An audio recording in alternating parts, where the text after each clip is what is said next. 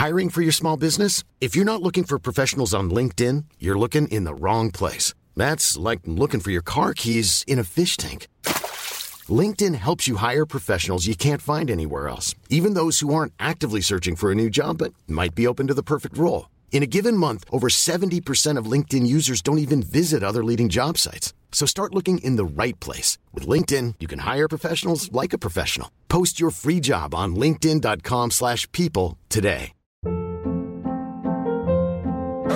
Hold up. What was that? Boring. No flavor. That was as bad as those leftovers you ate all week. Kiki Palmer here, and it's time to say hello to something fresh and guilt-free. Hello Fresh. Jazz up dinner with pecan-crusted chicken or garlic butter shrimp scampi. Now that's music to my mouth. Hello Fresh. Let's get this dinner party started. Discover all the delicious possibilities at hellofresh.com. Hey, it's Ryan Reynolds, and I'm here with Keith, co star of my upcoming film, If, only in theaters, May 17th. Do you want to tell people the big news? All right, I'll do it. Sign up now and you'll get unlimited for $15 a month in six months of Paramount Plus Essential Plan on us. Mintmobile.com slash switch. Upfront payment of $45 equivalent to $15 per month. Unlimited over 40 gigabytes per month. Face lower speeds. Videos at 480p. Active Mint customers by 531.24 get six months of Paramount Plus Essential Plan. Auto renews after six months. Offer ends May 31st, 2024. Separate Paramount Plus registration required. Terms and conditions apply if rated PG.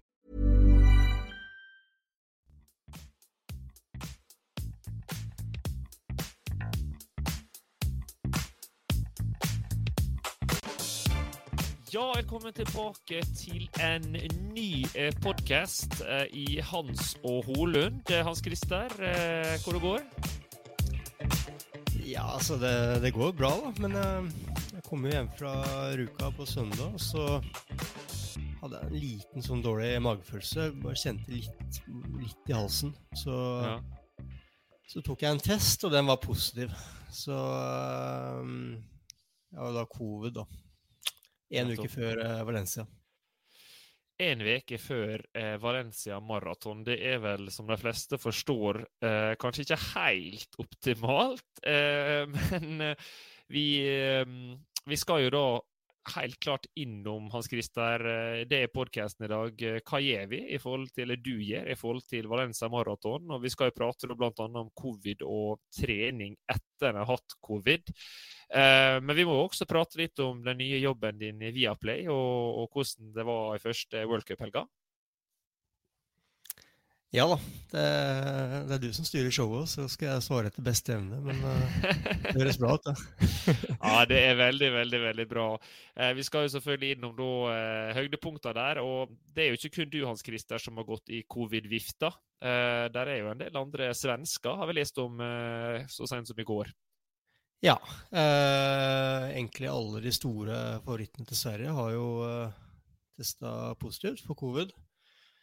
Poroma, eh, Frida, eh, Jonna Mm. og eh, Ja, det er jo litt krise, da. Eh, en uke før de skal eh, til hjemmebane og konkurrere. Så eh, Men det, er, det virker som at det er ingen som slipper unna den coviden. Det er hvis man ikke får den nå, så får man den i jula, eller så får man den i januar, eller altså Alle skal igjennom, så, så det er jo kjedelig, men uh, for de som får det nå, så må, kan de jo bare tenke at ja, da er vi ferdig med det i så fall for i år, og så kan man uh, senke skuldra litt når man er ute og reiser på tur og Ski og, og uh, ja, reiser rundt på skirenn.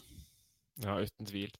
Og så er det jo mange andre morsomme ting som skjedde i første World Cup-helg. Eh, Der er jo en litt spennende herremann med Jan Thomas Jensen som gikk av gårde med sin første World Cup-seier. Det samme vil jeg jo kunne si om Moa Ilar, som vant sitt første World Cup-renn.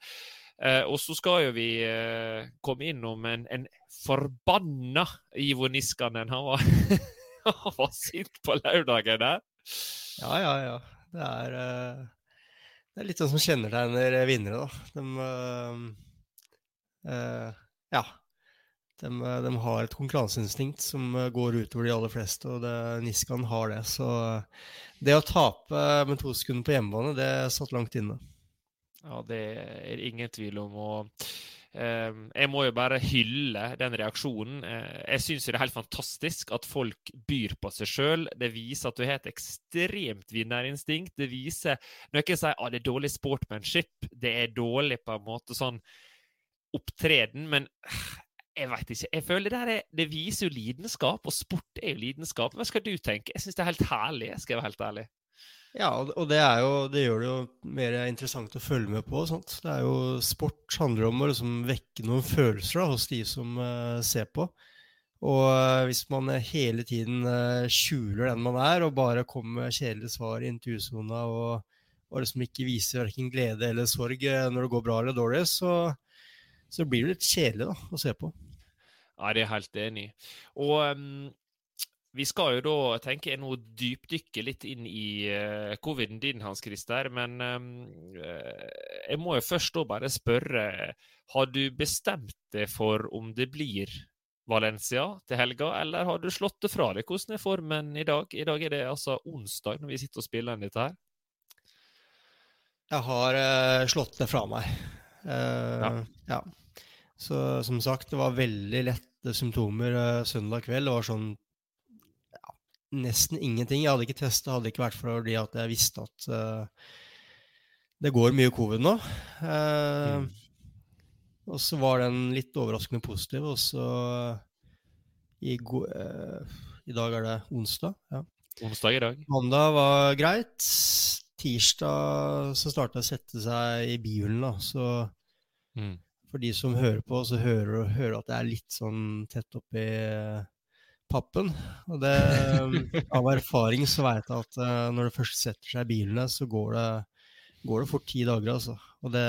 Jeg kunne helt sikkert ha løpt, og løpt på en grei tid, uh, men uh, ja Motivasjonen min faller litt hvis jeg ikke klarer å Hvis jeg vet at jeg har hatt covid for ja, altså under en uke siden når jeg løper. Og mm.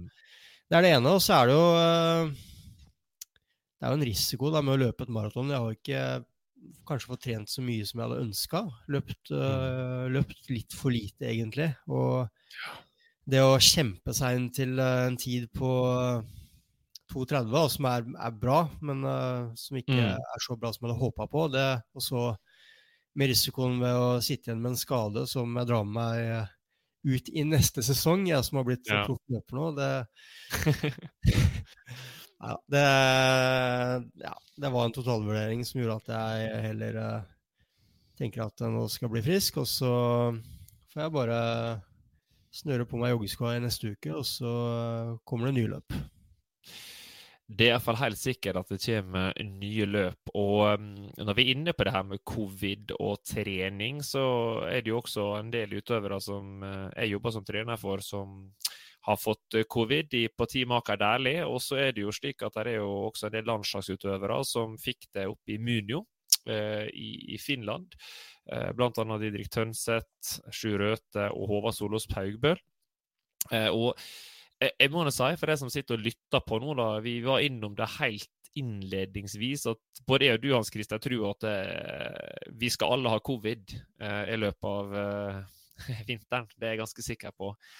Ehm, men, men eh, jeg, jeg, tenker kanskje det kan være litt smart å gi litt råd da, til folk. Hva, hva som virker å være gode råd for de som har fått det. Eh, jeg tror mange av lytterne kan ta glede av det. Eh, og, og, det første rådet jeg sa når du ringte meg, det var jo ta det helt, helt med ro. Det sier, det sier jo kanskje sjøl. Du hadde gjort det uansett. Du hadde tatt det helt med ro uansett. Hans Christer? Ja, ja, ja. ja, ja. Så det Vi er jo litt på tynn is her, da, fordi uh, vi har jo mye erfaring med kan du si, en vanlig forkjølelse. Uh, mm. uh, og i så fall for min del, når jeg blir liksom forkjøla, så er sykdomsbildet så å si likt fra gang til gang. Altså, jeg starter mm. litt i halsen, og så går det gradvis over til nesa, og så mm. setter det seg litt i bihulene. og så vet jeg litt sånn ut fra hvor jeg er i, i sykdomsstadiet, så vet jeg litt når jeg kan starte å trene og sånt. Men på covid så er jo ja, Coviden er jo ganske lik en forkjølelse nå, da. Det kjennes såpass sånn ut. Men uh, jeg har fortsatt litt respekt altså, for den coviden. Uh, ja. Så jeg tror kanskje det er smart å være um, heller litt mot den sikre sida kontra å gamble. Men, uh, Ja. Men du har jo uh, mer innsikt på rundt dette her enn enn hva jeg har, så hva tenker du? Nei, jeg skal vel ikke proklamere med at jeg er noen ekspert på covid og, og trening etter covid. Eh, Det er å dra den altfor langt. Men, men det som i hvert fall virker å fungere veldig bra, det er en forsiktig tilnærming til å begynne med.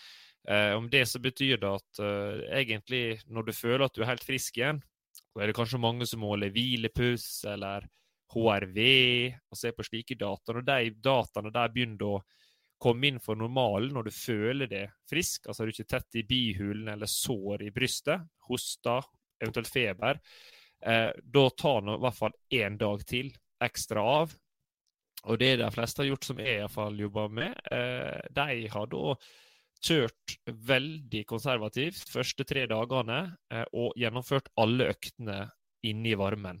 Altså, nå er det kaldt ute. Det er skispor. I Holmenkollen nå så er det faktisk uh, muligheter å gå på ski. Uh, og Det er mange plasser rundt omkring i Norge der du kan gå sikkert kilometer på kilometer i flotte, nypreppa langrennsspor. Men jeg ville sterkt anbefalt det hvis du har hatt covid, i og med at du går ganske eh, tydelig på lungene og, og holdt det inne i varmen til å begynne med. Det er litt mer skånsomt å, å løpe i eh, romtemperatur og temperert rom men utendørs. Og så er det jo slik at eh, jeg tror til å begynne med vil jeg ha gått en tur. Eh, på en måte to dager etter du føler deg helt bra, gå en tur. Og så dag tre en joggetur på en 45 minutter. Og så dagen etter der igjen, da vi kom til dag fem, to økter på ca. en time, 1,15. Og hvis det går veldig bra, så har jeg forsøkt meg på en ekstremt forsiktig eh, terskelintervall, og da lav terskel. Eh, og gjerne da en tredjedel av det du normalt ville løpt. Og hvis du da etter den terskelen føler deg helt normal dagen etterpå, da vi kom ca. til dag sju, da kan du sikkert begynne å gradvis trappe opp treninga eh, med to økter om dagen og halvannen pluss halvannen, og så kanskje rundt sånn dag ti så ville jeg kanskje prøvd å sprunge litt høyere enn I3, bare for å sjekke på et drag eller to. Men, men du bør i hvert fall ha, tror jeg, en slags to ukers eh, syn på dette her, da. Og det er kanskje veldig konservativt, men jeg tror det er veldig lite å hente på å gå for hardt ut. Det er litt som i, eh, i et maraton. Jeg tror skaden av å gå ut litt for hardt potensielt det er betydelig større enn oppsiden. Altså Det blir jo litt viktig for det også, Hans Christer, å kanskje ta til det nå når du skal begynne på igjen med treninga, da. Ja, det, nå er det jo sikkert ikke noe løp før til våren. jeg tror jeg rekker å, rekker å komme meg før den tid. Så Ja. nei, jeg også tenker eh, rundt to uker da, fra man blir sjuk til at man kan uh, begynne å konkurrere igjen, at det er kanskje et Mm. minimum, da. Uh, Mm. Men uh, så var jeg liksom, tenkte jeg liksom Ja, jeg har lagt opp, jeg har ikke så mye å tape på bare løpet, men eh, men eh, det er jo kjedelig hvis det liksom Man hører om historier om long covid og gud veit hva, så jeg er jo Har jo eh, Ja. Det er noe jeg absolutt ikke har lyst til å få. Så eh, da er vi litt på sikre sida. For min del så, jeg, så, så har det alltid funka. Altså, jeg får det alltid i halsen. og så lenge jeg blir verre og verre, så trener jeg ikke. Men eh, den Mm. dagen jeg kjenner at eh, liksom, sykdommen stabiliserer seg, eller at jeg begynner å bli litt bedre, da Mm. prøver jeg å komme i gang med, med rolig trening eh, ja, egentlig så raskt som mulig. Fordi eh, min erfaring er at hvis jeg kommer i gang med altså, veldig rolig trening, da, eh, liksom idet sykdommen starter å slippe, så, så begrenser jeg litt forfallet. Eh, det å på en måte ta en uke eller ti dager fri, det, det er sikkert bra med tanke på å bli kjappest mulig frisk, men uh, man taper jo så mye form og trening på det, Mm. så det er jo hele tida en avveining da, på Mm.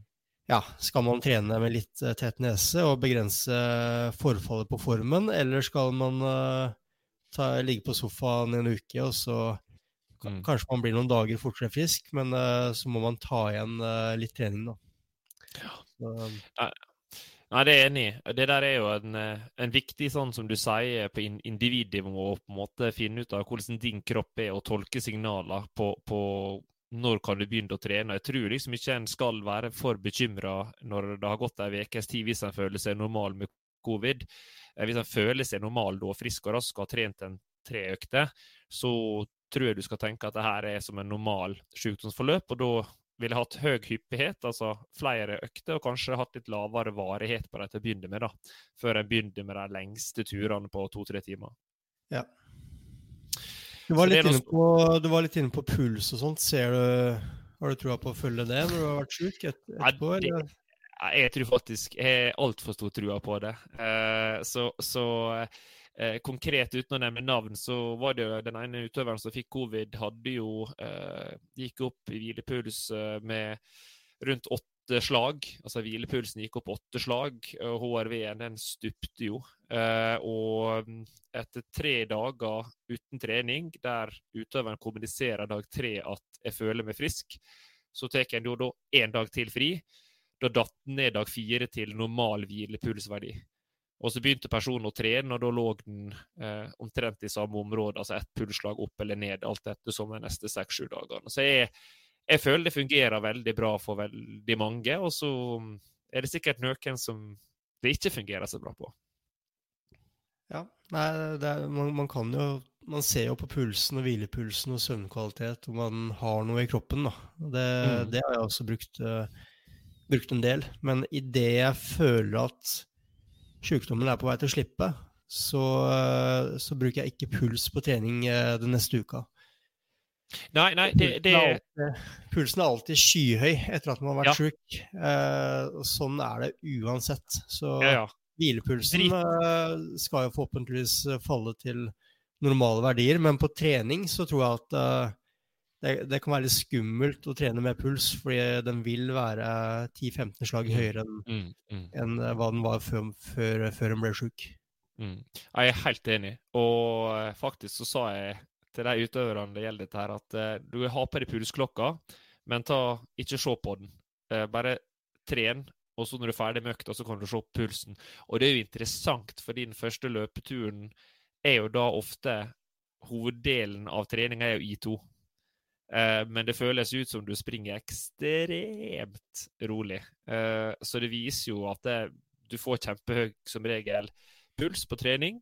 Og igjen, ref. forrige podkast om, om, terskeltrening, da tror jeg det er totalt meningsløst å prøve å sammenligne laktatverdien første sju til ti dagene, for den kommer til å være veldig forhøya, fordi du har jo trent lite, og da går jo den delen av blodet ditt som heter plasma, som er væske og salter, det går jo ned, så da blir jo det uansett høyere laktatverdier på, på de verdiene, det føles betydelig mye lettere ut enn laktaten viser. da.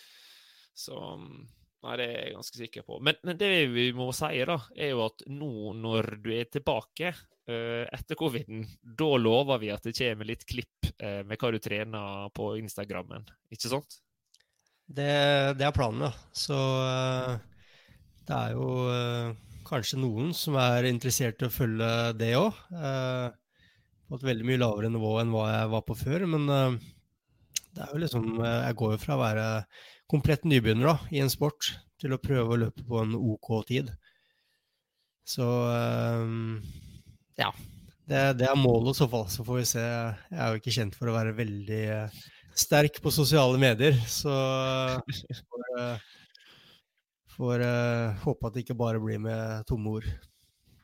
Nei, vi, vi, skal love å levere på det. Om ikke annet så skal vi i hvert fall legge ut noen av treningsøktene du kjører, eh, sånn at folk kan få se litt hva type intervaller f.eks. du kjører, og kanskje litt puls og litt laktat hvis du måler det. Så det kan vi love at når du er i gang med trening, så, så, skal folk få se det. Vi hadde jo et lite håp om at du skulle springe liksom Valencia maraton, at det skulle kickstarte den her eh, løpedelen, da. Eh, løpesatsinga, som vi har kalt det. Eller jeg har i hvert fall kalt det det. ja, ja, ja. Det er jo, det er jo det er jo det for så vidt, da. Men uh, hvis du ser på timer og kilometer, så er det helt på grensen til å kalle det en satsing. Fordi det har blitt uh, Ja, det, det, er tøft å løpe på asfalt. Det, det, er på en måte kanskje det jeg har lært denne høsten. Mm. Det er noe annet å løpe på asfalt enn å løpe på sti og, og mykt underlag. Mm. Du sa det til meg at du Det her var jo før du fikk covid. eh, To og en halv, tre uker siden så prata vi om treninga, hvor det gikk. og da, da, sa du til meg at det er noe helt annet å løpe på asfalt. Så sa du at og det er litt bekymra, fordi jeg går alltid tom, eller jeg blir så utmatta rundt sånn 17-18 km. Kan, kan, du beskrive litt altså, for deg som sitter og lytter på? Altså, du verden, har vært verdens beste skiløper, men du, går, du blir sliten etter 17-18 km. Hva legger du i det? Nei, altså ikke, ikke, tom, uh, men blir, bli banka i muskulaturen, da. Uh, ja. Blir som kjenner at man blir, blir nesten støl underveis i økta. at hvert steg blir blir bare vondere og vondere å lande. Så det var det jeg mente. at det, altså På ski så blir man bare sliten i beina. Mm. På løping så blir man banka, liksom. Mm. Muskulaturen får juling, men Fysisk så kunne jeg sikkert holdt det gående lengre, men uh, en, en, blir sliten på en helt annen måte. Mm. Og det er jo spennende, for vi var innom dette her i podkast nummer én, men det blir jo spennende Hans Christer, nå om, om en dreier som sagt denne treninga mer mot løping, altså kilometer og, og kilometertid, i stedet for å være så fokusert på om det er én time eller om det er 1,15 eh, Det høres litt ut som at kanskje det blir viktig å opprettholde et så stort kan si, volum i form av kilometer som mulig, og så ser du mindre og mindre kanskje etter hvert på pulsen eh, og ser mer på kilometertidene, eller? Ja, ja. Så det, det, vi får sette en episode eh, til å snakke om dette her, tror jeg. Da, hvis vi først starter nå, så tror jeg vi aldri kommer til det vi egentlig skulle snakke om. Men uh, ja. Det, jeg ser ikke på tid lenger. Det er kun, uh, teller egentlig kun kilometer. Mm. Jeg bruker ikke uh, noe særlig puls, annet enn de få øktene jeg har hatt på, på løpemølla. Da liker jeg å løpe med puls. Da kan jeg også sammenligne litt hva jeg har løpt på før. Og, ja. mm. Men uh, ute så er det kun, kun farten jeg ser på. Ja. Nei, Det der blir veldig spennende. Vi skal selvfølgelig i en podkast gå inn i detaljer på det. Og så tenker jeg Hans Christer, at uh, nå når du er frisk igjen og kjører første intervalløkta, så må vi samle inn data på den, legge det ut på Instagrammen, og Holund, podkast-sida, og så skal du få trene litt, og så skal vi sammenligne dataene og se hvor mye bedre en kan bli på tre-fire uker faktisk etter sykdom. Det tror jeg for mange som er like interessert i trening som det vi er, så kan det nok være litt spennende. Ehm, det bringer oss egentlig over til neste del i podkasten, Hans Christer. Og for deg som eventuelt måtte betvile Hans Christer som ekspertkommentator, så kan vi slå fast etter helga i uh, Rukka at hvis det er én ting han har peiling på, så er det å gjette hvem som kommer til å vinne skirenn.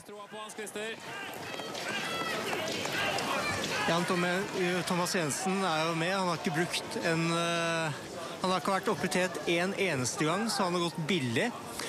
Og så har vi jo Pål Golberg som har klart å bite seg fast. Uh, Harald Østberg Amundsen er med. Og Nyinge har sett sterk ut ja, i hele dag. Men Jan Thomas Jensen Ja, Jørn Sundby var litt utålmodig på å få svaret ditt, Hans Christer. Du fikk jo aldri komme til konklusjonen på de utøverne du nevnte. Jeg skjønner det midt i en TV-sending, men eh, Jan Thomas Jensen, du må Du traff jo den berømte spikeren på hodet. Eh, hva gjorde at du hadde så trua på han? Altså For de fleste som ikke er så inne i langrenn som oss, altså, hvordan kunne du vite at han var så enorm i en finish? Han har vist det mange ganger før i, i Scancup, som, eh, som, er på en måte det nivået han har vært på de siste årene. Han har vært uh, nesten uslåelig på sånne fellesstarter. Uh, han er utholden. Han, han, følger egentlig samme taktikk hver gang. Han, han prøver å gå så billig som overhodet mulig. Du ser nesten ingenting til han før det er en 500 meter igjen av løpet, og da kommer mm. han fram. og jeg syns jeg så litt de samme tendensene nå på søndag. At uh, han gikk veldig sånn uh, Gikk litt under radaren. Uh, men både jeg og Niklas kjenner han kjenner noe godt. Og, og ja. Så, så, det var litt måten han gikk på, at han hadde gått så billig, da. Mm. Og så er det jo vanskelig å ja, når det blir en sånn massespurt, så er det vanskelig å spå. Altså Hadde Johannes vært med, så hadde jeg nok tippa Johannes, men uh, uh, ja. Uh, det er vanskelig å skille av en Martin Nyenge til en Harald Østberg Amundsen, til en Jan Thomas Jensen, til mm. en Pål Golberg. De er jo ganske like på en sånn finish. Og når Jan Thomas har vunnet uh, Scancupen, så har jo ikke de andre gått, uh, gjerne. Så, men mm. det var litt sånn basert på at han hadde gått uh, veldig billig, da. Og ikke vist noe svakhetstegn før, uh, før, ja, før oppløpet. Det var i hvert uh, helt riktig tippa, og hvis folk lurer på det Skank Cup, så er det på en måte nivå to i langrenn. For de som ikke er helt inne i det. Det er der eh, veldig mange nordmenn, eh, både kvinner og menn, må ut og gå for å kvalifisere seg for å få gå World Cup. Har vant begge fellesstartene siste år. Det er helt riktig, Hans Christer, i Skank Cupen. Og han slo vel egentlig litt gjennom eh, på Beitostølen i 2017 på åpninga der da. Da var han tre på skaten. Men han har faktisk vært topp ti flere utallige ganger på åpninga på Beitostølen på skaterennet. Og han kommer fra den gylne 1996-årgangen. Eh, og det mest kjente fra den årgangen, det er jo Johannes Høstflot Krævo. Eh, men eh, det er jo en annen person der også som er, eh, gikk fort opp i Munio.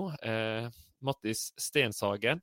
Så, så det, er en, det, er en, god årgang der med, med, mye gode skiløpere. Og det er jo morsomt når du får sånne utøvere som på en måte får litt sånn breakthrough eh, moment. da, Og viser ikke minst hvor ufattelig høyt nivå det er på mange norske herreløpere.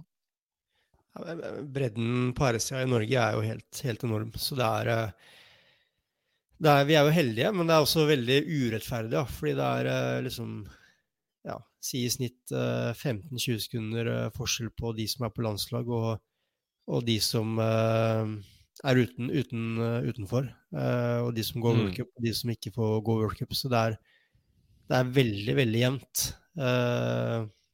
på hvem som er inne på det World Cup-laget og ikke. og Jan Thomas er jo en som har trent mye over mange år, og så har han han er jo Motivasjonen har vært høy, og så har han kanskje vært slitt for hisset på grøten uh, enkelte sesonger og, og trent mm. litt mye. Men uh, jeg har jo veldig sansen for de som, som virkelig går for det og tør å trene mye. Og så, og så når de utøverne lykkes, da da, da, jeg veit at det ligger mye hardt arbeid bak, og ikke bare et stort talent. Så det er gøy. Nei, nei. Og så kan vi nevne, der er jo ikke bare i Norge at det er mye gode 1996-løpere. altså Av de mer andre internasjonale løperne, Dennis er 96, Jakimushkin 96. Personen som var nummer to, Michael Novak fra Tsjekkia, han er også 96. Og det samme er Aleksandr Bolsjunov. Så det var en god årgang, 1996. Eh, og, og de har kjempa seg. Og så er det jo kanskje litt sånn motivasjon til andre utøvere at ikke gi opp. Altså Når du først på en måte kvalifiserer deg, det er jo tilfeldig. Sju Røthe blir sjuk. Eh, Jan Thomas Jensen kommer inn, får muligheten. Eh, og griper den med begge hender. Eh, vinner sitt første World Cup-renn på første mulighet etter han gikk Tour de Ski for en del år tilbake. Det må jo være veldig motiverende for alle andre utøvere i Norge også. så liksom ikke har vært ute og gått World Cup nå, og som vet at uh, der kommer noen renn, bl.a. til helga vi skal snakke om, der du har muligheten til å kvalifisere deg til uh, prøve-EM i Trondheim? Ja, det er uh, Det er bare å, bare å stå på, så kommer en mulighet etter hvert. Mm. Ja, det er det. Men vi må også selvfølgelig prate om kvinner på søndag. Eh, der var det alt fra støtteapparat som slo utøvere i ansiktet med staver, til eh, hansker som datt av, og en ganske ukjent svensk skiløper, vil jeg si, for de fleste norske. Moa Ilar går inn til sin første verdenscupseier, hun også. og eh, er du like godt kjent med Moa Ilar som du var med Jan Thomas Jensen, Hans Christer? Nei, eh, ikke i det hele tatt. Eh, jeg vet jo eh, så klart hvem det er, men det er jo ikke en vi ser så ofte helt oppe i toppen. Mm. Og ja, så hun, hun, har gått litt under radaren for min del. Jeg visste ikke at mm. hun hun, hun gikk vel ganske, ganske bra på åpningsrennet i Gjellivare, gjorde hun ikke det? Hun vant åpningsrennet i Gjellivare på T-skate, så eh, en burde kanskje skjønt der at når hun slår utøvere som eh, bl.a. Frida Karlsson, vel å merke som skreik i løypa, og Ebba Andersson slo med et halvt minutt, så burde det kanskje vært et lite førvarsel om for en kapasitet hun har. og hun har jo tidligere vært sterkest i sprint. Eh, sånn i hvert fall hvis du ser på på resultatene hennes i, i, World Cup, så er det stort sett i sprint og hevder seg veldig bra tidligere. Um, så, så, at hun har en bra finish i tillegg, uh, kombinert med da i år tydeligvis eh, heva seg på kondisjonen, det er jo ingen tvil om. Så svenskene har fått fram enda et nytt stjerneskudd, pluss Frida Karlsson, Ebba Andersen, Jonna Sundling, Emma Ribbom. Altså, det er, det er, gode, de svenske jentene om dagen, Hans Christer. Det er mye gode ja, utøvere. De, de ødelegger jo sporten, så det er jo ikke bra. Ikke bra i det hele tatt. Så, sånn det. Det, det ødelegger sporten, faktisk. Ja ja, men det var jo en del eh, amerikanere som gikk ganske bra i helga, da. Ja da, ja, vi skal være glad til for at det ikke bare er nordmenn som, uh, som presterer. Så, så, det er uh, kjempegøy å si at det kommer opp nye navn. Uh, og så har jeg også lyst til å nevne disse to eh, I så fall én stjerne fra, fra, det amerikanske laget, og, og eh, ja, som blir nummer to på den 20 km. Mm. Eh, hun, eh, hun eh, For noen år tilbake så tenkte jeg at det her er drama queen. Det er alltid et eller annet styr. og store ord eh, rundt mange av disse amerikanerne, og hun spesielt. Ja. Eh, men uh, dæsken, hun har bein i nesa, for å si det sånn. Hun, hun knekker staven, får en ny stav, den er for lang, bytter på nytt, mister hansken, det er 20 minus. Og får seg en trøkk opp i nesa av den ene staven, og det, det er ikke måte på, og likevel så uh, klarer å spurte inn til en andreplass. Så det er uh, det er uh, Disse damene altså, de er tøffere enn gutta. så Hadde det, hadde det skjedd i herreklassen, så tror jeg de aller fleste hadde bare gitt opp. Bare sånn ja, det går ja, ja. ikke. Nei, det tror jeg så, Og du ser litt når, eh, når uh, herreløpere detter, så bare mm. gir de opp. De bare ligger i mm. snøen og, og, og syns synd på, på, på, seg sjøl. Og så ser du damene, når de detter, så de bare spretter opp igjen og går på på nytt. så så når det kommer til den der eh, moralen om å aldri gi opp, så tror jeg damene er bedre enn oss eh, gutta. altså. Mm. Ja, det, det, det, er jeg faktisk helt enig i, og et godt eksempel på det faktisk fra helga er en annen amerikansk venninne av Jessica Diggins, Rosie Brennan, som eh, jeg har hatt sansen for veldig lenge. Eh, gjorde jo noen veldig gode eh, langløp og rulleski i år. Altså både i alliansloppet og toppbestveka så var hun på pallen. Og uh, hun var nummer to for øvrig på, på klassiskrennet. Men det som imponerte meg, var at hun var faktisk kobla av hovedfeltet en liten periode. Eller sleit med å være med i hovedfeltet fordi hun lå litt dårlig posisjonert. Men dæven heller, hun ga ikke opp hun heller og kom seg opp i frontgruppa og, og, og er med inn og spurta jo da inn til en, til en tredjeplass. Det var mektig imponerende. Og på, som sagt da på 8,3 km så er hun 16, og faktisk ikke med i frontgruppa. Så det er 'never give up', er vel kanskje en liten sånn quote, da. Um, og nå var jeg inne på klassiskrennet her på, på lørdag, Hans Christer. Eh, vi hadde jo kanskje håpa på at noen av de norske jentene skulle eh, være enda litt lenger framme, kanskje. Men det så ut som du hadde litt glatte ski. Du var jo der live. Eh, og jeg så jo bare på TV. Ja, jeg òg syns at uh, mange av våre herreløpere hadde litt, litt flate ski. Og så så det ut som at det ble bedre etter hvert. Eh, så de påstod at de ikke justerte skia noe særlig. Eh, men ja. Det kan det være helt... før som Forandra seg, jeg veit ikke. Men uh, der, der har jeg faktisk inside information om at de faktisk justerte skia til de tre gutta som uh, til slutt enda på pallen. At de la opp et lag med en uh, annen type smørning før de skulle ut og gå rennet. Etter de første nordmennene har gått på en annen type smørning. Det har jeg fra ganske sikre kilder. Så det ble justert på guttesida, men jeg syns jentene de ikke kritikk, men, men jeg syns det så ut som de hadde glatte ski. Det må jeg ærlig innrømme når jeg har sett uh, hvordan en del av disse jentene forserte bakken på Beitostøl versus den siste bakken i Rukka inn mot uh, passering, i hvert fall. Ja, og det, det snødde jo litt den dagen, og så, og så stoppa det snø litt, og så Ja, så det var, var litt, kanskje litt vanskelig å, å uh, smøre skia. Det som går igjen mm. litt i Ruka òg, er at uh, sporene blir veldig fort glaserte. Altså, det virker som at de blir mer glaserte der enn andre steder. Så, mm. så uh, ja. Uh, så er det Jeg føler også til løype at hvis ikke du har spikerfest i Rukka, så føler jeg at du taper så utrolig mye på det, for du må bruke armene opp bakkene. Og da når du kommer til disse lange, stake partiene, så er du på en måte helt utmatta. Så ja, men, men ofte, kan... ofte, så er det litt sånn i uka at man, uh, man kan ikke smøre skiene for å ha spikerfeste oppover. Fordi bakkene er veldig bratte, så skal man gå rett opp der, så må man ha veldig god ski. Og, og det er jo Det kommer ikke fram på, på, TV, men det er jo noen ganske lange stakepartier uh, i den løypa. Mm. Hvor det er viktig å ha altså, god ri og, og, ski som er lette å stake på. og det, det så derfor uh, er det en mellomting. Det er, noen år så har det faktisk lønt, lønt, seg å smøre ganske tynt, og så heller bare hoppe ut av sporet med en gang man, man kommer oppover, og så løpe på utsiden av sporet for å, for å komme seg opp bakkene, og så får man uh, kanskje lettere ski å stake på og raskere ski nedover. Så, mm. så um, ja. Så har vi jo, uh, kan vi jo Veit ikke om vi skal si ja, grei norsk innsats. Eh, eller veldig god innsats eh, blant herrene, og så, og så bare OK blant damene. Virker som at det er litt mye nerver og ja, ja. ja litt høye skuldre. Ja.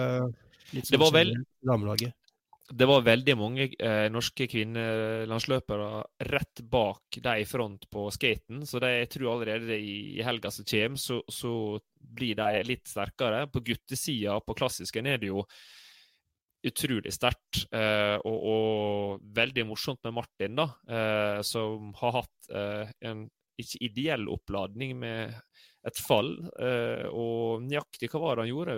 Du vet sikkert det bedre enn meg. Det var et bein som knakk i håndleddet? Nei, det var, var, vel en seneskade som han måtte operere. Ja. Så uh, ja, det, det, går litt igjen da med Martin. Han er, uh, han er vel den, den, den, den, av de gode, ordentlig gode utøverne som har vært mest skada opp gjennom karrieren. Det, er, uh, mm. det, det, slår aldri feil. Det er alltid et eller annet. Og så, og så lager han ikke noe stort nummer ut av det. Eh, nesten mm. ingen som vet, vet om det. Eh, mm.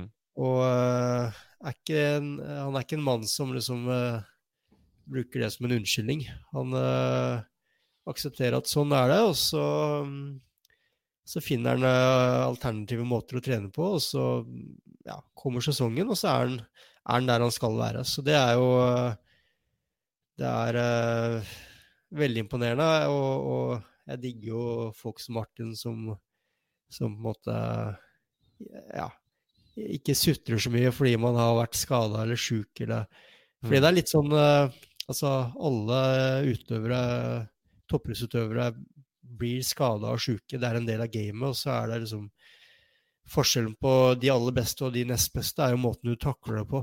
Uh, mm. Og er, mange av de nest beste bruker det som en unnskyldning, og, og uh, og liksom eh, Ja. Kommer seg aldri videre. Men så de aller beste, de aksepterer at sånn er det, og så Og så eh, finner de eh, alternativer, andre måter å trene på, og så, så kommer de tilbake år etter år etter år. Så det, mm. det, det, er, det er gøy å se. Ja, det er jeg helt enig med deg Det er utrolig imponerende.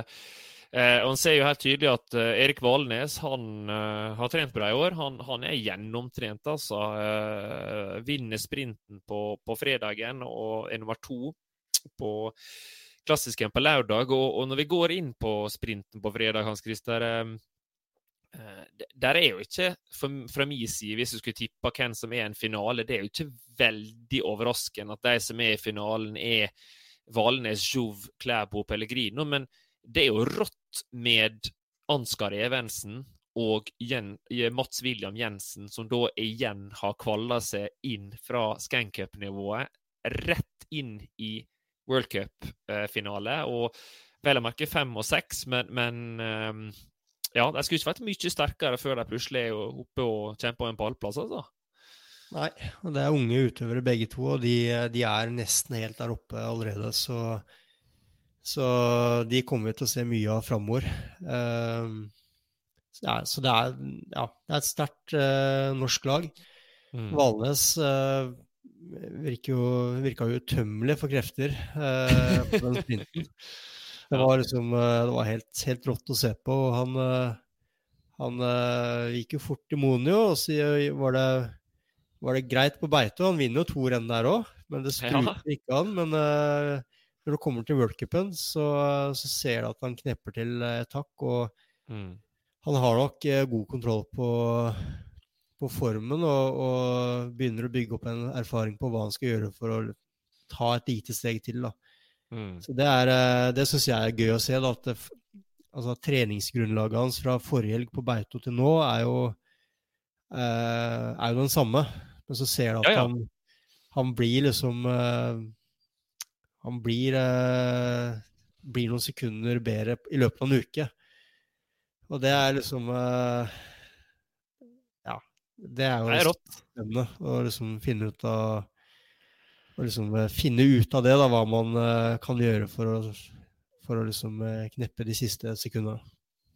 Ja, uten tvil. Og vi kan jo drive litt reklame her, da. For at vi, vi har faktisk allerede en av spesialepisodene som kommer til å komme ut ganske snart. Den handler om formtopping, og der er det nettopp det her. da, Hvordan skal vi klare å bli ganske mye bedre eh, på de rennene det gjelder å gå fort på. Um, og, så, og, så, tror jeg jo Jeg må bare nevne det at jeg, jeg syns media var så negative til Johannes. Men altså Tre i World Cup. Altså det i, i, en sprint, og han har hatt covid og trent i hva er det, ti dager, eller noe sånt, og så kommer du og er tre i World Cup. og altså jeg syns det er så imponerende. Eh, så er jo i motsatt ende av media. Jeg syns jo det er faktisk en utrolig sterk prestasjon. Eh, eh, med tanke på oppladningen han har hatt til rennet, da. Ja. Dårlig, dårlig oppladning, det der, altså. Så uh, han, han blir jo sjuk uh, helt på slutten av den høydesamlingen. Mm. Og det de aller fleste gjør, eller når man har vært i høyden lenge, så blir man litt sånn treningsstinn og litt sånn dau i kroppen eh, mot mm. slutten. Fordi eh, det er en stor belastning, og man går, går mye rolig. Går veldig kontrollert på hardøktene. Eh, så man blir liksom mist litt spenning, da. Og så det de fleste gjør når de kommer hjem fra høyden, er jo liksom fyre, fyre i gang maskineriet. Eh, kjøre noen litt tøffere økter for å liksom virkelig vekke kroppen og gjøre den klar til eh, skirenn. Mm. Og så blir jo han sjuk, og da får han ikke disse øktene som jeg mistenker at han hadde planlagt å, å gjennomføre. Og da, da, selv om han er frisk nå, så, så liksom mangler han det siste giret. Han mangler den spruten og, mm. som, uh, som, han ellers ville hatt. Så det, så, men allikevel så blir han nummer tre på sprinten, og det, det viser jo litt om eh, bunnivået til Johannes. fordi jeg tror faktisk dette er bunnivået hans. Jeg tror ikke, ja, det... jeg tror ikke det er mulig for han å gå, gå noe saktere enn det han gjorde i helga, og, og, han går jo fortsatt fort. Så det er eh, Ja, han kommer til å gå fortere og fortere utover. Det, det håper jeg, og det er jeg ganske sikker på det er jo det som er det verste, vet du. At det der er jo sannsynligvis bunnivået hans. Så uh, det er jo helt tulent, som vi sier på Sunnmøre. Men uh, apropos uh, en annen person som imponerte meg, det er faktisk Kristine Stavår Skistad. jeg vet veldig mange nok har høye forventninger med tanke på den avslutninga hun hadde på sesongen sist, og der hun virka bare helt Jeg var the queen av sprint. hun satt jo på plass den ene etter den andre etter VM i Planica. Men, men den måten hun mobiliserer på i finalen der, og redder Norges ære på sprinten som eneste norske i semifinale og finale, det er karakter. Eh, og, og, det er en shout-out til Kristine at det er Hun tror jeg også kommer til å gå ufattelig fort i sprint, eh, enda fortere utover eh, vinteren. da. Ja, det, det, er det. Så du ser at hun er sliten i finalen. Og ja. det er en tøff løype. Lengden på sprinten er ikke så lang, men det er en veldig tøff avslutning. Så, men likevel så klarer hun å mobilisere og gå inn til en tredjeplass. Så det er det er sterkt. Og så tror jeg at hadde hun gått en lettere løype, så tror jeg at hun hadde vunnet. Så hun, hun, hun er jo den raskeste i feltet. Uh, kanskje også den som går best teknisk. Mm. Kanskje litt å hente i diagonalen, men Men hun mangler jo litt på Enda litt på utholdenheten. Og det mm henger nok kanskje med sammen med at hun er jo fortsatt veldig ung. Og uh, trenger nok noen år til med trening før hun liksom, ja, virkelig er på topp. Uh, eller virkelig har hele pakka, da, kan du si, som eh, Jonas Sundling kanskje har. da. Hun er ganske utholdende og, og veldig rask, så, så det er gøy da, å ha en sånn sprinter inn mot VM på hjemmebane til neste år og, og OL i 2025. Nei, 26. Ingen tvil om og Hun har jo bygd seg opp eh, sakte, men sikkert i lag med det støtteapparatet hun er rundt seg. Lage Sofien Lund og um, Per Ola Gassmann, som var treneren hennes på NTG hjemme i Konnerud, står utenfor landslaget. Så det viser at det er flere veier til rom i forhold til det å prestere. Og det viktigste er vel å ha gode ressurspersoner rundt seg. Ja, like før pausen her så prata vi om noen som imponerte oss. Men Hans Christer, hvem var Vi Hvis du skal nevne én person som liksom du ble litt sånn i helga bare Fy F. Den, han eller hun imponerte meg enormt. Hvem, hvem trekker du fram da? Ja, det, det er altså hvis, uh, ja, hvis jeg skulle tatt en uh, altså Uansett nasjon, så vil jeg trekke fram Rosie Brennan. Hun er 88-modell. Uh, eh, mm. Haugammel til å være så god i det sirkuset her. Uh, har vært med i alle år. Har, uh, har uh, starta ikke å prestere før en fire-fem år siden. Gradvis blitt bedre og bedre og bedre. Og nå uh, i helga så tar hun to, to pallplasser i begge stilarter, og hun er i tillegg god i sprint. Mm. Så det er Dæven. Hun er Ja, det er rått. Det er imponerende. Ja, det er helt enig. Det er helt rått. Og jeg, jeg sliter med hvem jeg skal nevne. Eh, fordi der er så mange overraskelser. Egentlig eller ikke overraskelser, men mange som jeg syns gikk bemerkelsesverdig bra. Jeg, jeg må nevne Mika Fermulen, som er nummer fire fra Østerrike på, på fellesstarten. Du har jo Michael Novak, som blir to. Eh, du har eh, Thomas Maloney Westgård fra Irland, som er beste trønder på 10 km der, på en 11.-plass.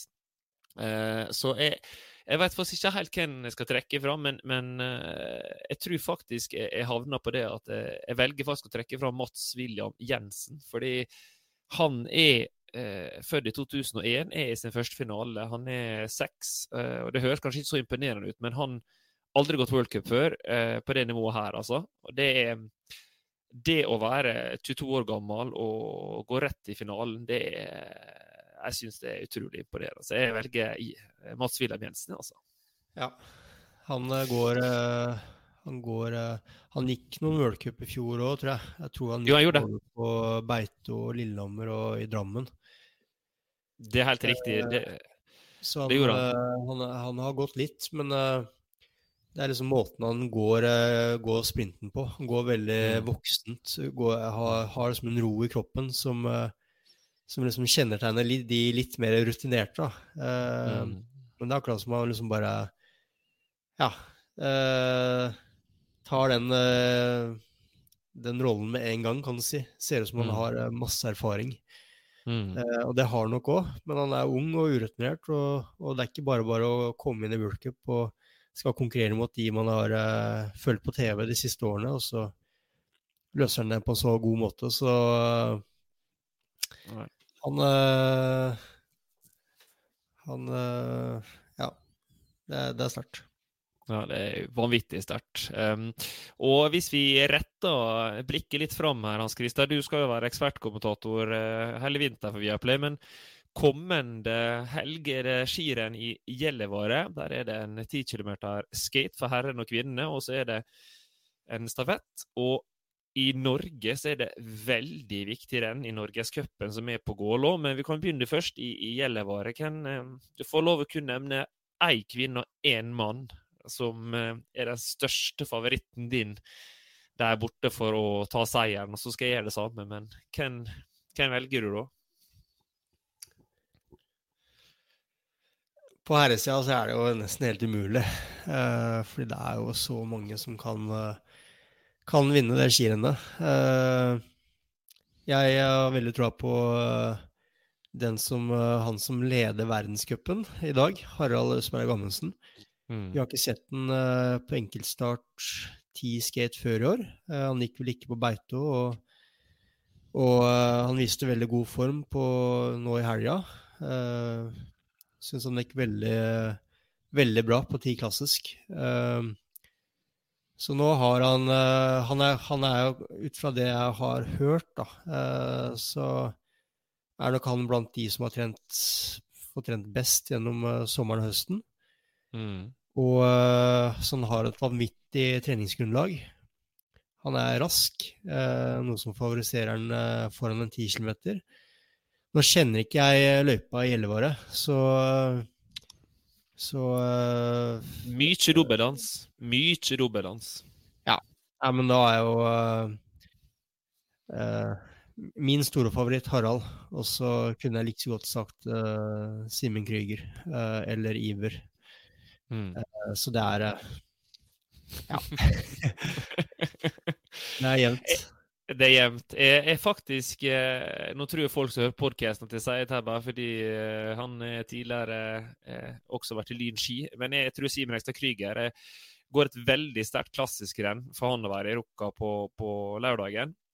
Så jeg tror han drar det i land. Jeg tror Iver, som du nevner, og Harald også kommer til å gå fort. Men jeg, jeg setter en knapp på han, og da er jeg så frekk at jeg begynner med mitt valg på kvinnesida, i og med at du fikk velge um, guttene førstehandskrister, Og eh, jeg syns det er vanskelig, men jeg, jeg har faktisk trua på, på Frida Karlsson.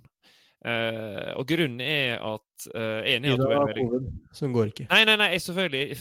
Frida har jo covid, selvfølgelig. Uh, det, var dårlig, det, var et dårlig valg i så fall. det, går, det, går, 100 ikke inn. Nei, da, da blir jo det Jessica Diggins, da. Det blir jo det, da. Ja. Uh, jeg tipper da Ebba. Ebba Andersen. Ja. ja. Du tror ikke hun nå plutselig har covid, hun også? da? Det er når så mange i den svenske troppen har fått det, at det plutselig så tikker det inn en melding her at oi, hun også har covid? Jo, det, men uh, ja, hun er jo frisk enn så lenge, så da ja, det er jo... Hun går på hjemmebane, og, og det som går inn litt når uh, man går på hjemmebane, er at man ofte har uh, litt bedre ski enn uh, sine konkurrenter. Man kjenner mm. snøen kanskje et knepp bedre. Så mm. Så Men ja, det, ja. Det, det, må jeg spørre om. Ski. altså Nå er vi kommet til en fluorfri sesong. Vi har ikke prata noe om det, og det skal vi heller ikke bruke så mye tid på. Men, men altså Det må jo være eh, større eller slash mindre skiforskjeller i år enn det har vært tidligere år pga. det. Eller det blir veldig spennende å følge med, da. Men, men jeg syns jo det er interessant hvis en ser på uh, antall nasjoner som er med.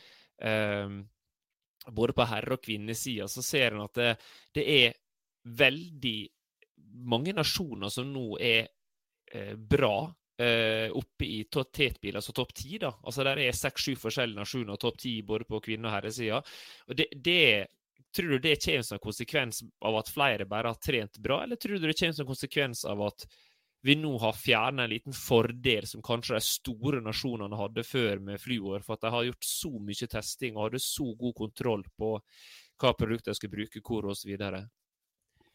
Jeg, jeg, tror nok det har litt med føre å gjøre òg. At det ikke har noe mm. med, så mye med fluor å gjøre. Men, Men uh, både på Beitostølen og, og uh, nå i Ruka så var det, var det, kaldt. Og det er et føre hvor kanskje fluor ikke har uh, så mye å si.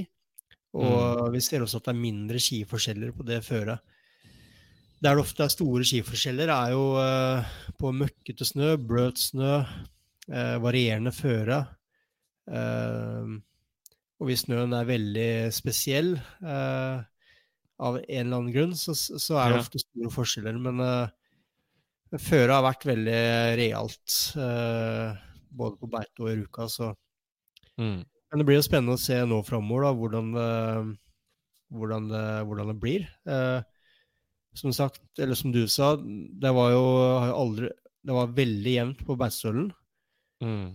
Så i Ruka, på den uh, det, det, det, er jo helt vanvittig jevnt. Så det er veldig jevnt der òg, men ja, ja, på damesida ja, tror jeg det var enda jevnere i fjor, faktisk. Uh, jeg tror altså, jeg sjekka det. På, på guttesida, da? Ja, på guttesida, så ja. 57 sekunder mellom 26 løpere. 57 sekunder mellom 26 løpere. Det er Det er tett, ass. Det er Det er veldig, veldig tett. Så det, så det er eh, Men uh, det som eh, Jeg har jo, jeg jo snakka en del med, det, med, med smørbussen nå i uh, helga. Mm. Og spurt dem litt hva de uh, tror da, framover. Mm. Uh, vi vet jo ikke helt, men, uh, men før sesongen, når vi snakka sammen, så tenkte vi at det kommer til å bli større skiforskjeller. Fordi fluoren den utjevner, utjevner mm. forskjellen mellom gode og dårlige ski. Mm. Mens uh, nå når vi tar vekk fluoren, så vil uh, forskjellen bli større. Og derfor vil de beste utøverne, som har de beste skiene, få enda bedre ski. Ja. Det var på en måte hypotesen, uh, hypotesen, vår, og sikkert hypotesen til mange andre. Mm. Og Men så snakker jeg med, med annet Stein Olav Snesrud, som er eh, fluorkoordinator i eh, Skiforbundet. Eh, han mm. har liksom ansvar for den eh, flu, eller fluorfri koordinator. Eh, ja, stemmer. Og han sier jo det at eh, ja, han vet jo ikke. De har jo ikke testa noe særlig på det ennå. Men i og med at vi vet at fluor har størst effekt i starten mm. på et skirenn, og så vet vi også at uh, den effekten den på en måte uh, jevner seg ut da, utover i skirennet. Så tror jo han at uh, skiforskjellen på selve paret, det vil Eller altså ta, gli, glitapet da, på samme paret mm. vil være mindre uten fluor enn med fluor. Mm. og de, de, har heller ikke funnet noe sånn Uh, før så var det veldig vanlig å liksom Du har en gr grunnglider, og så, og så pulverer du skia med, med fluor. Uh, og så har man topping på, oppå der igjen, da. Ja. Men uh, de sliter litt med å finne liksom, en topping som er bedre enn den, det pulveret de bruker nå, da. Ja, det er det de gjør. Ja, så um, men det, jeg nesten kan banne på, det er at det kommer til å komme en sånn der eh, eh gallium som var jo helt sinnssykt i Sapporo-VM. Altså et eller annet produkt plutselig på markedet som er lovlig, som er en enorm effekt hvis det blir litt våtere snø og det er ikke mer skitten snø. For det er jo som du sier, noen er det jo kaldt, og da er det mindre skiforskjeller. men jeg tror vi skal følge med på det her, Hans Christer. Eh, det blir veldig spennende. Ehm, og apropos kaldt, det er meldt kaldt eh, på Gålå i helga, der det skal ha Norgescup. Og vi trenger ikke bruke så lang tid på det, men det vi kan nevne her, er at den som vinner sprinten på herre- og kvinnesida på Gålå, det er en skatesprint, de får direkte, helt sikkert plass i prøve-VM i Trondheim om to helger. Og det samme gjelder for ti klassiskrennet som går på lørdagen. Så der er det mye i potten for de som ikke er på et elitelandslag. Eh, det er så enkelt som at vinner du rennet, winner takes it all, the American way. Det er direkte til prøve-EM. og i tillegg så vil beste herre og kvinne som leder distansecupen, få automatisk friplass til Trondheim og prøve VM. Så det er en veldig viktig helg i Norgescupen for de som er på nivå to. Eh, og eh, ja, en kan nevne egentlig alt og ingen. Jeg er veldig inhabil her. Jeg er jo trener for Team Aker Dæhlie, og vi har jo flere som håper å være i den posisjonen at de kan være med og kjempe om en seier. Men det er viktig for de løperne å, å gå fort i helga. Hva har du som favoritter, da? Nei um, åh, det er Da skal jeg bevisst ikke nevne noen av mine egne utøvere, så da slipper en på en måte å og skal prøve å være litt edruelig her, da. Men eh, jeg vil jo tro at på, på skatesprinten som, som er her eh, på, på, fredagen, så, så, vil det være stort sett de jentene og guttene som, som gikk fort på, på Beitostølen, som ikke var ute og gikk worldcup eh, nå.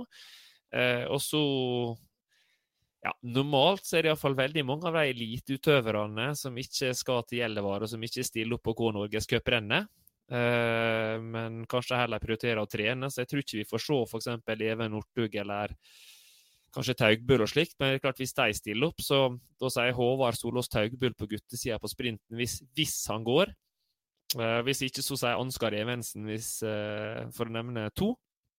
og så tror jeg på på kvinnesida der, er der er det mange eh, som er sterke, da. Eh, jeg er veldig usikker på om Magni Smeås skal opp og gå.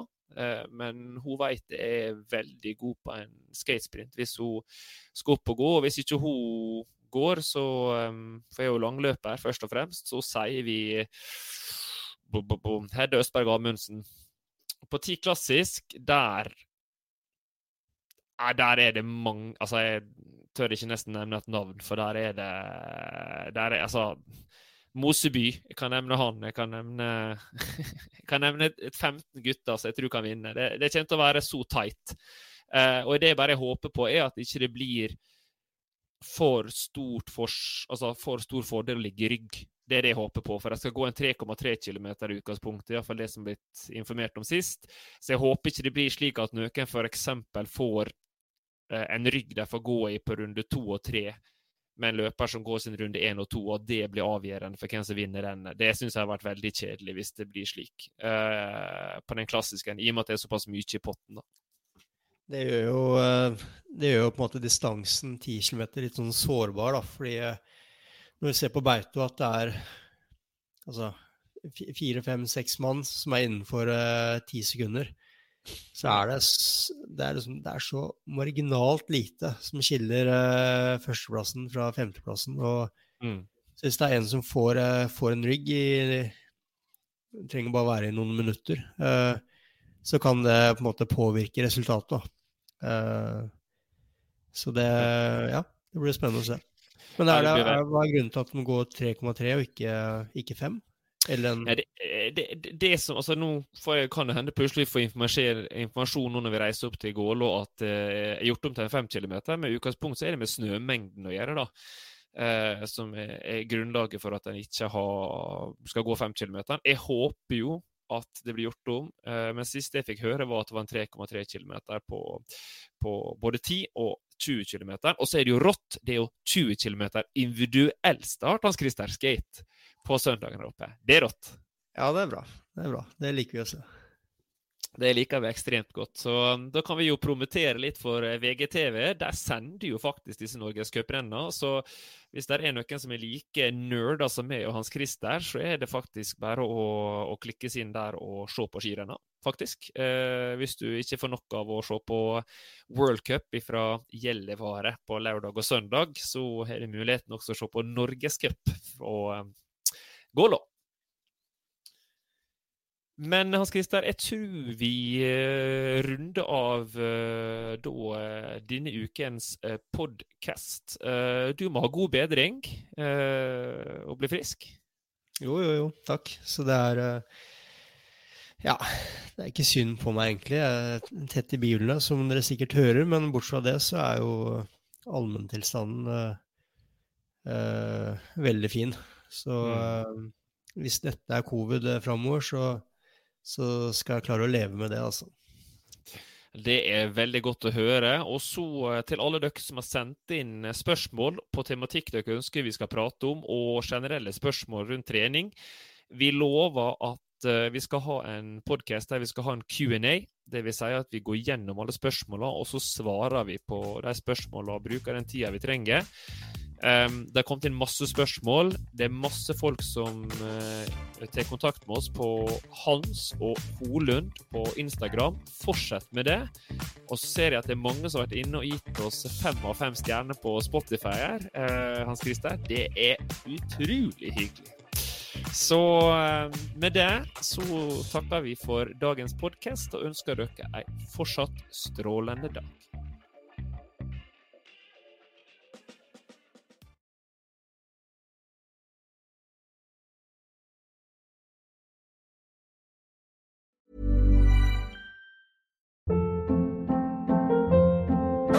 Hold up. What was that? Boring. No flavor. That was as bad as those leftovers you ate all week. Kiki Palmer here, and it's time to say hello to something fresh and guilt-free. Hello Fresh. Jazz up dinner with pecan-crusted chicken or garlic butter shrimp scampi. Now that's music to my mouth. Hello Fresh. Let's get this dinner party started. Discover all the delicious possibilities at hellofresh.com.